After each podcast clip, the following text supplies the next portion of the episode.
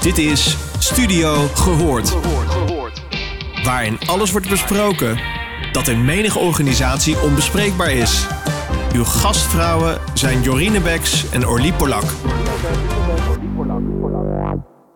Welkom uh, luisteraars, het is weer tijd voor een mooie podcast. Jorine en ik zitten daar helemaal klaar voor. Hallo Orly. En wij willen eigenlijk beginnen met een casus. Een verhaal wat ik deze week uh, gelezen heb. Ik had er nog niet eerder van gehoord. En het is een verhaal over een verpleegkundige. Zij heet Radon Davant. En op een uh, goede avond, ze heeft het uh, heel druk. Ze is collega's aan het inwerken. Ze zijn understaffed.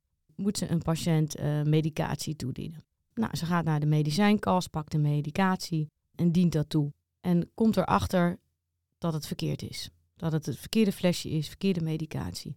De patiënt overlijdt. Val erkent direct haar fout, alleen daar blijft het niet bij. Op 25 maart 2022, dus als vorig jaar, is zij schuldig bevonden aan dood door schuld. Haar wordt ja, nalatigheid verweten, ook al heeft ze het niet expres gedaan, heeft zij eh, drie jaar voorwaardelijk gekregen. Ze is de vergunning kwijtgeraakt. Ze mag het beroep van verpleegkundige uh, nooit meer uitoefenen. Ik heb een video van haar gezien waarin ze vertelt aan de journalist wat haar is overkomen.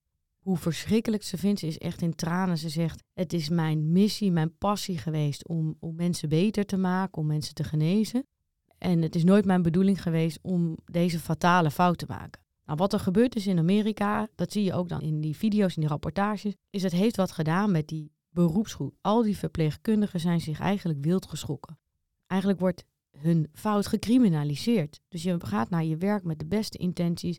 Wat je wil is mensen beter maken. Maar ja, in complexe situaties, hoe triest het ook klinkt, het kan wel gebeuren. Nou, in dit geval, wat kon gebeuren, heeft gewoon geleid tot een vervolging met alle toeters en bellen eromheen. En heel veel verpleegkundigen, die raakt dit. Die zeggen, maar hoe moet ik nou nog naar mijn werk? Hoe moet ik nou nog met vertrouwen in het ziekenhuis met mijn patiënten omgaan? Dat als ik een fout maak, dat ik dan de kans loop om vervolgd te worden, om mijn huis kwijt te raken, om mijn kinderen niet te zien, om mijn beroep niet te mogen uitoefenen.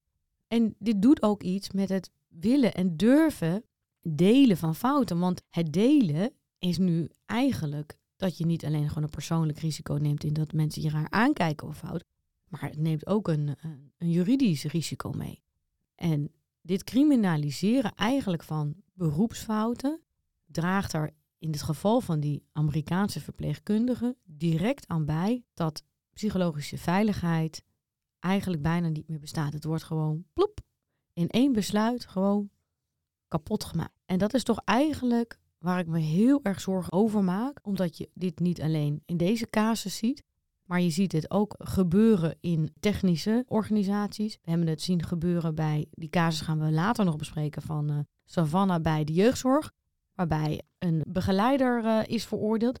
Als wij nu elke dag zijn we bezig met psychologische veiligheid om tussendoor te krijgen bij leiders, bij teams, bij, bij medewerkers. Maar op het moment dat toezichthouders of ja, eigenlijk uh, misschien was dit zelfs wel een civiel proces, beroepsfouten gaan criminaliseren en mensen voor de rechtbank dagen en dus ook veroordelen, kun je afvragen of dat wel uh, bijdraagt aan de psychologische veiligheid. In ieder geval worden er terecht nu vanuit de hoek van allerlei onderzoekers rondom Amy eh, Edmondson vragen over gesteld. Van joh, zie hier wat er gebeurt met die uh, beroepen. En terecht van hoe herstellen we nu vanaf dit punt? Dit is gebeurd in dit ziekenhuis. Maar morgen moeten al die verpleegkundigen weer aan het werk. Moeten we weer leren? Moeten we weer reflecteren? Moeten we weer verbeteren? En dat is een vraag die hardop wordt gesteld van hoe kunnen we eigenlijk hiervan recoveren bijna? Hoe kunnen we omgaan met deze tegenslag, met dit verdriet, maar ook met de angst die nu toch wel bij iedereen heerst? Het is natuurlijk een vreselijk verhaal en dat is natuurlijk ook een heel droevig verhaal ook. Waarbij, hoe je het ook vertelt, van wie heeft nou het meeste recht op rechtvaardigheid en wat is het recht en wat is rechtvaardig? Kijk, als je natuurlijk jouw geliefde, jouw familielid, vriend, door zoiets overlijdt, ja, dan, dan ben je gewoon boos. En kun je dan nog inleven in hoe dat is voor die ander? En dan hoop je dat de wet en regelgeving dusdanig is vormgegeven dat je vanuit de emotie naar de ratio de verschillende perspectieven onder woorden kunt brengen. En dan hoop je dat men gaat denken, hoe is het voor die ander? Waarbij in dit geval wat je vertelt, ik denk dat zo'n verpleegkundige zich makkelijker kan verplaatsen in familie van de slachtoffer dan dat de familie het direct zou kunnen in haar. Terwijl het wel kan, uiteraard. Maar toch, weet je, dat is natuurlijk logischwijs de eerste reflex. Dus ja, hoe ontwikkel je nou die omgeving? Want omgeving stuurt gedrag, gedrag stuurt omgeving, waardoor die ruimte ontstaat. We hebben natuurlijk ook in de zorg gewoon tuchtcollege voor de gezondheidszorg. En dat kun je gewoon vinden, dat kun je gewoon googelen. Dan kun je ook vinden, oké, wie vallen dan onder dat tuchtrecht en waarover mag je dan klagen? Nou, je mag klagen, hè, heb ik het even opgezocht, als uw zorgverlener een fout maakt tijdens een operatie. Je mag klagen als het beroepsgeheim wordt geschonden. Je mag klagen als diegene zich ontoelaatbaar gedraagt. Nou, seksuele intimidatie, die vind ik nog wel logisch. Maar het is natuurlijk zo dat de ene fout is de andere fout niet in het effect. Terwijl dat de intentie of de drive hetzelfde is. Dus op het moment, ik zeg, vertel me even een voorbeeld uit de praktijk, een koekjesbakkerij. We mogen het geen fabriek noemen. Daar moet deeg worden gemaakt en dan moeten de goede ingrediënten in zitten. En iemand heeft gewoon in de haast, de druk, waan van de dag, net even schil gekeken, niet goed gewogen, compleet verkeerde deeg geproduceerd.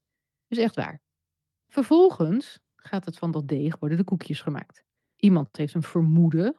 De koekjes zagen er denk ik net anders uit. Maar die denkt toch, ja, tja, hè? wie ben ik?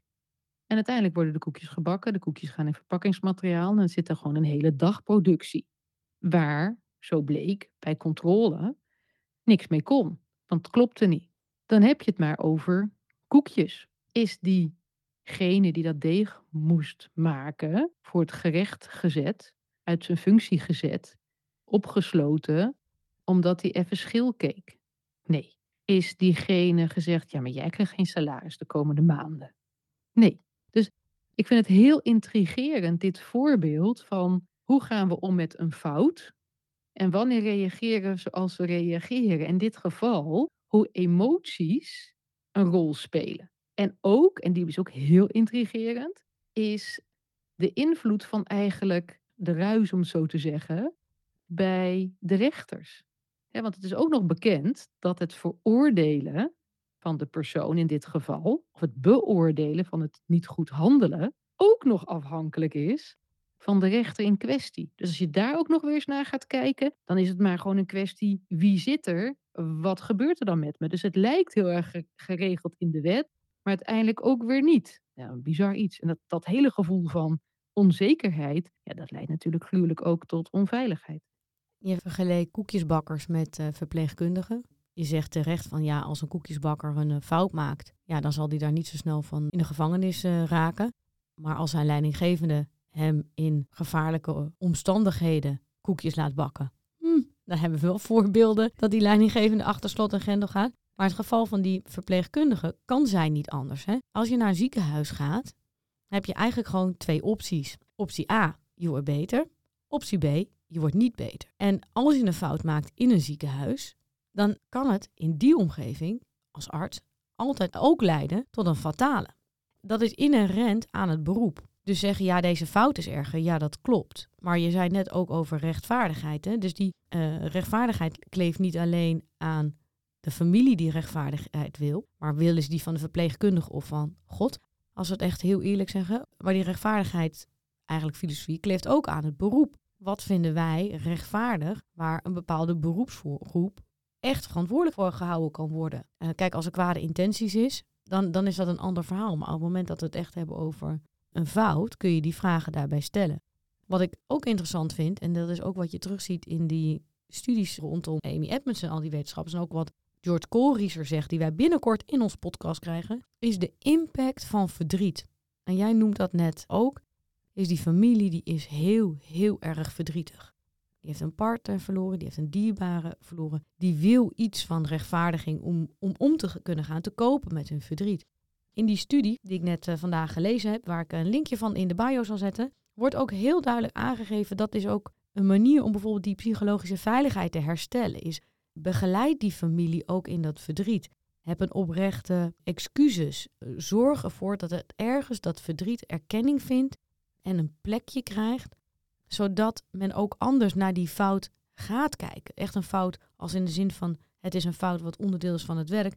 En niet in de zin van joh, dit was eigenlijk moord, zoals ze er uiteindelijk naar zijn gaan kijken. En ik denk dat dat een positief effect kan hebben op de psychologische veiligheid. Als we meer ruimte creëren voor het verdriet wat ontstaat nadat iemand een fout heeft gemaakt. Dat daar plek voor is, dat daar erkenning voor is, dat er over gesproken kan worden. En dat men ook snapt dat dat verdriet en die pijn, als die niet wordt opgelost, een belemmering is voor toekomstig vertrouwen. Niet alleen vertrouwen in jezelf als kunnen, want ik kan me heel goed voorstellen dat je als verpleegkundige gewoon geen beslissing meer durft te maken, dat je daar heel angstig van wordt. En dat je denkt, als ik het nu weer doe, dan overlijdt er weer iemand door mij. Maar ook angstig in de organisatie, want stel dat er iets niet werkte van de machine, waardoor jij de fout hebt gemaakt, maar uiteindelijk was het niet jouw fout, want de machine werkte niet. Dat je ook weer vertrouwen verliest in de organisatie. Maar je verliest eigenlijk ook vertrouwen in de familie van de patiënt. Dat als je denkt van, ja, maar ik wil het heel goed doen voor jou. Maar als jij ergens vindt dat ik jou onrecht heb aangedaan, hoe zit het dan met onze relatie? Hè? Kan ik jou dan nog blijven verplegen? Of, of ik voel me heel onzeker, want ik weet niet hoe jij gaat reageren. Dus ik denk dat die erkenning, wat jij net benoemt, is echt mega spot on. En ik denk ook dat die nog breder gaat. Kijk, we hebben natuurlijk Helene Snijders gehad in de podcast. Chirurg van het Groene Hart. En ze komt nog een keer terug. Zij heeft ons met ons ook gedeeld hè, dat zij een fout had gemaakt. Dat ook inderdaad fataal gevolg heeft gehad. Maar ik ben ook bijvoorbeeld gastspreker geweest bij de internistendagen vorig jaar. En in de voorbespreking ook, nou, we spreken al een aantal internisten van eh, UMC's. En één meneer die vertelde dat je breder steun nodig hebt. Die vertelde ook een voorval, verkeerde inschatting, echt vreselijk. En hij zei, maar door de steun van de senior die daar was, hè, kon hij overeind blijven. Dus het onder ogen komen van de familie om daar doorheen te gaan. Maar wat hij ook echt nodig had, was dat zijn collega's nog de mens in hem zagen.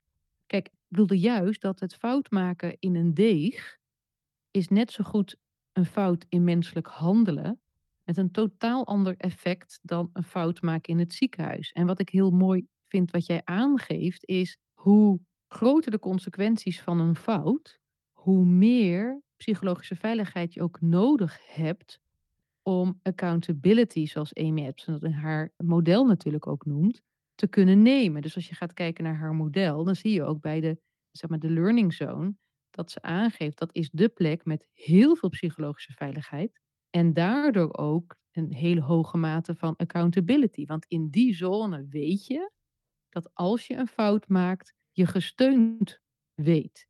En het kan natuurlijk gewoon, dat is zo. Je kunt niet verwachten van een familie dat die dan zegt, ja, hè, kan gebeuren. Natuurlijk niet. En wat jij terecht ook aangeeft, die hebben ook rouwbegeleiding nodig. Die emoties die moeten eruit, et cetera. Maar niet richting die persoon. In eerste instantie natuurlijk, maar ligt ook weer aan hoe die persoon ernaar kijkt. Maar sowieso dat die degene die het heeft veroorzaakt zich gesteund weet door zijn of haar collega's. En dat vind ik dan ook wat je ook mooi benoemt, is de passie en de intentie, de loyaliteit, de betrokkenheid die ik meemaak in ziekenhuizen van die medewerkers, hoe ze er echt zijn voor de patiënt. Dat is echt wel een hele andere vakliefde, zou ik het willen noemen, hè, dan wat ik in andere sectoren zie. En volgens mij hebben we ook in dat in die podcast met Helene Snijders erover gehad. Vanuit haar project Nurses Know Better. Dat we toen voor de grap zeiden. Doctors have feelings too. Dus dat daar ook zit. Want hoe ga je er als mens mee om? Dus eigenlijk heb, zeggen we nu samengevat, tenminste wat ik een beetje zeg, is in zo'n schrijnend voorbeeld heb je kort door de bocht drie verliezende partijen. Je hebt ja, de familie, de nabestaanden.